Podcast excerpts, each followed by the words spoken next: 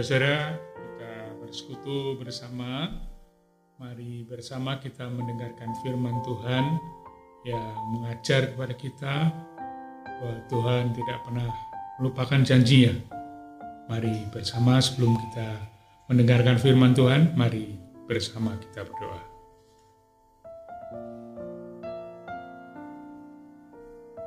Tuhan, tolonglah kami untuk mendengar, ajarkan kami untuk mengerti, supaya kami melakukan kehendak-Mu. Kami percaya Tuhan, firman-Mu adalah kebenaran, kebenaran yang sejati untuk membekali kami. Terpujilah Engkau Tuhan, kami mengucap syukur, berfirmanlah kepada kami, dalam nama Tuhan Yesus kami berdoa. Amin. Saudara, bacaan kita ada dalam perjanjian baru, dalam Yakobus pasalnya yang keempat, ayat 13 sampai 17. Lalu nats kita satu ayat, yaitu Yeremia 29 ayat 11. Yakobus 4 ayat 13 sampai 17. Jangan melupakan Tuhan dalam perencanaan. Jadi sekarang hai kamu yang berkata, hari ini atau besok kami berangkat ke kota Anu, dan di sana kami akan tinggal setahun dan berdagang serta mendapatkan untung. Sedang kamu tidak tahu apa yang akan terjadi besok. Apakah arti hidupmu? Hidupmu itu sama, hidupmu itu sama seperti uap yang sebentar saja kelihatan, lalu lenyap. Seharusnya kamu harus berkata jika Tuhan mengendakinya, kami akan hidup dan berbuat ini dan itu. Tetapi sekarang kamu memegahkan diri dalam congkakmu, dalam semua kemegahan yang demikian adalah salah. Jadi jika seorang tahu bagaimana ia harus berbuat baik tetapi ia tidak melakukannya, ia berbuat dosa. Kita ada di dalam Yeremia 29 ayat 11. Sebab aku ini mengetahui rancangan-rancangan apa yang ada padaku mengenai kamu. Demikianlah firman Tuhan. Itu rancangan damai sejahtera, dan bukan rancangan kecelakaan, untuk memberikan kepadamu hari depan yang penuh harapan. Saudara, tema kita pada pagi hari ini rancangan Allah yang sempurna. Saudara percaya bahwa tidak ada yang kebetulan dalam hidup ini bahwa Tuhan pegang kendali dan Tuhan mengatur rancangan segala sesuatu dengan sempurna. Kita percaya itu. Ya. Tetapi dalam persoalan kita adalah Israel berada mengeluh rancangan-rancangan apa yang ada pada dirinya, pada bangsanya, bangsanya. Pilihan kok dijajah Babel. Banyak orang Kristen hari ini alami kenyataan pahit. Sempurna, apa adanya, semuanya, penderitaan, mereka marah pada Tuhan. Rintangan apa sebetulnya yang sedang dirancang dalam hidupnya? Lalu mereka pindah agama, cari jalan pintas, jalan hidup yang lancar. Hikmat itulah yang sempurna menurut dia. Saudara, bagaimana setiap kita yakin semua yang terjadi untuk kebaikan kita? dalam rancangan Allah yang sempurna.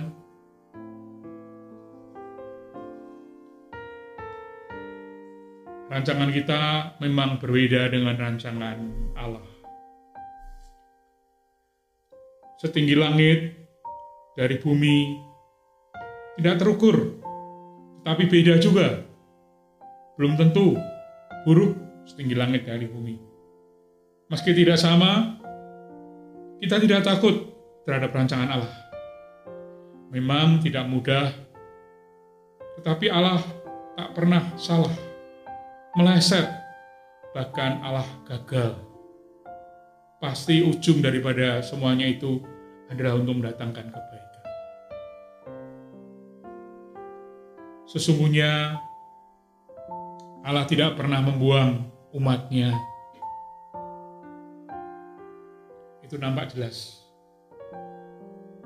Allah tidak pernah membuang umatnya. Ke negeri Babel, contoh, contoh, negara, contoh bangsa Israel, agar umat Tuhan terbuang dari hadapan Allah.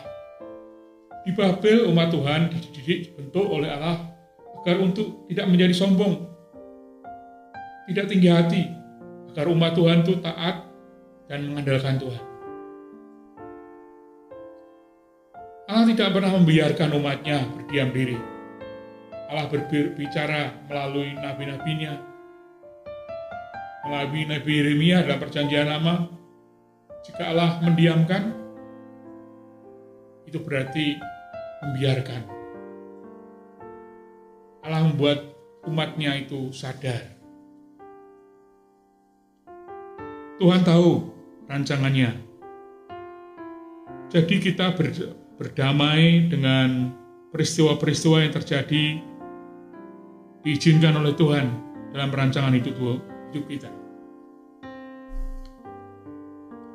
Sama seperti bangsa Israel, kita sedang dalam proses, maka butuh sabar, jangan berontak, jangan marah, jangan melawan Tuhan. Saudara-saudara, batu akik aja biasa terus-menerus jadi tinggi nilainya, jadi mahal harganya. Seperti juga batu akik itu membuat roti pun juga demikian. Membuat roti itu enak, maka perlu dikocok, dibakar, tetap percaya pembuatan roti itu tidak mengenakan. Tuhan menghasilkan sesuatu untuk kebaikan, membiarkan gosong, ada sedikit rasanya yang menjadikan kita nyaman. Allah tidak mungkin menjahati kita, apalagi kita seorang yang beriman kepadanya. Dengarkanlah firman Tuhan seperti dalam Yeremia 29 ayat yang ke-11. Sebab aku ini mengetahui rancangan-rancangan apa yang ada padaku mengenai kamu. Demikianlah firman Tuhan, yaitu rancangan damai sejahtera dan bukan rancangan kecelakaan, untuk memberikan kepadamu hari depan yang penuh harapan. Ya, itu yang menjadi sesuatu yang perlu kita perhatikan bersama. Kata yang dipakai shalom artinya luas, selamat, damai sejahtera, kebahagiaan, sentosa, mujur, tentrem. Itu yang dipakai kata shalom. Itulah tujuan rancangan Allah untuk kita. Rancangan Allah sungguh rancangan yang sempurna untuk kita. Setiap peristiwa untuk kebaikan kita. Rancangannya tidak pernah gagal, tidak pernah salah. Ikut saja prosesnya, jangan menyimpang ke kanan atau kiri. Tidak perlu kita marah, tidak perlu kita berontak. Jangan tunda-tunda waktu Jangan pilih-pilih rancangan Allah kebaikan untuk kebaikan kita.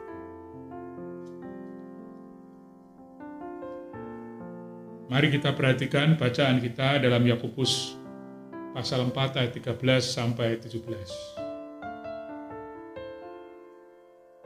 Pepatah Jawa mengatakan urip mau mampir ngombe, hidup sebentar saja lalu lenyap. Hidup terlalu singkat, saudara. Maka isilah dengan hal-hal yang baik yang berguna. Jangan mudah iri hati dengan orang lain. Jangan dendam. Jangan benci. Jangan menyakiti orang lain. Lakukanlah segala sesuatu dengan baik. Yakobus pasal 4 ayat 13 sampai 16. Jangan mengandalkan diri sendiri, tapi pikirkanlah apa yang dikehendaki Allah. Andalkanlah Allah dalam segala rancangan dan kerjamu dan karyamu. Saudara-saudara sekalian yang kasih Tuhan, jangan lagi sakar PDW.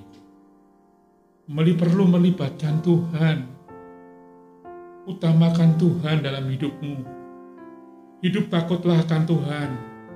Jangan berani sama Tuhan, marah pada Tuhan.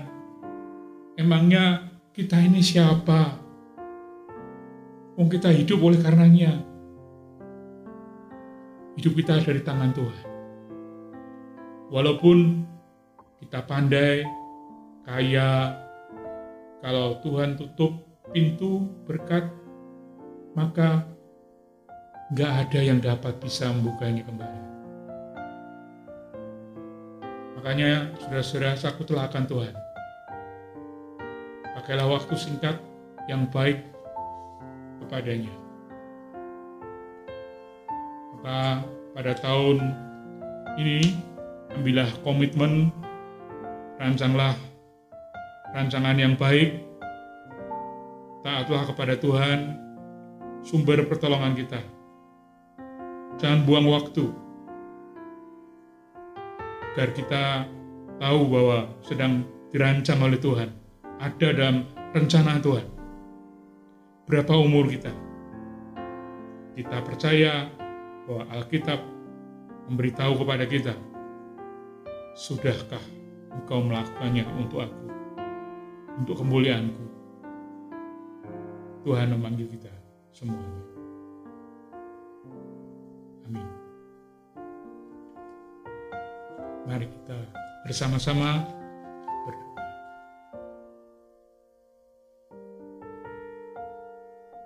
Bapa yang di surga, terima kasih Engkau menyadarkan kepada kami untuk tidak merasa bahwa diri kami mampu menentukan segala sesuatu. Ajarkan kami untuk memahami kebenaran-Mu. Firman-Mu menguatkan kami, meneguhkan kami. Buatlah kami memahami bahwa rancangan Tuhan adalah rancangan yang membawa damai sejahtera.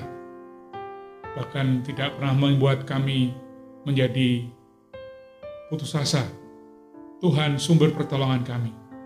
Berkatilah setiap kami masing-masing dengan keluarga kami, dengan anak-anak kami, dengan orang-orang yang selalu mengasihi kami. Tuhan memberkati juga setiap saudara-saudara kami yang sedang terbaring sakit. Tuhan Kau yang menyembuhkan mereka, menjamah mereka. Tuhan yang akan memulihkan mereka dan dapat kembali bersekutu bersama dengan kami. Kami berdoa, biarlah Tuhan yang akan selalu berada bersama dengan kami, membela kami, menolong kami, bahkan membuat kami menyadari bahwa ada Tuhan selalu memimpin setiap kehidupan kami. Terima kasih Tuhan, kami mendoakan untuk saudara-saudara kami yang sedang berada dalam lingkungan yang sedang tidak nyaman, Tuhan Engkau memberkati pekerjaan mereka. Memberkati lingkungan kehidupan mereka. Biarlah Tuhan yang selalu menyertai kami.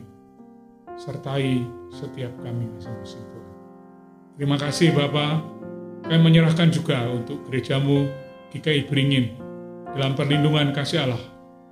Biarlah kasih Tuhan selalu membuat perubahan yang mendatangkan kebaikan.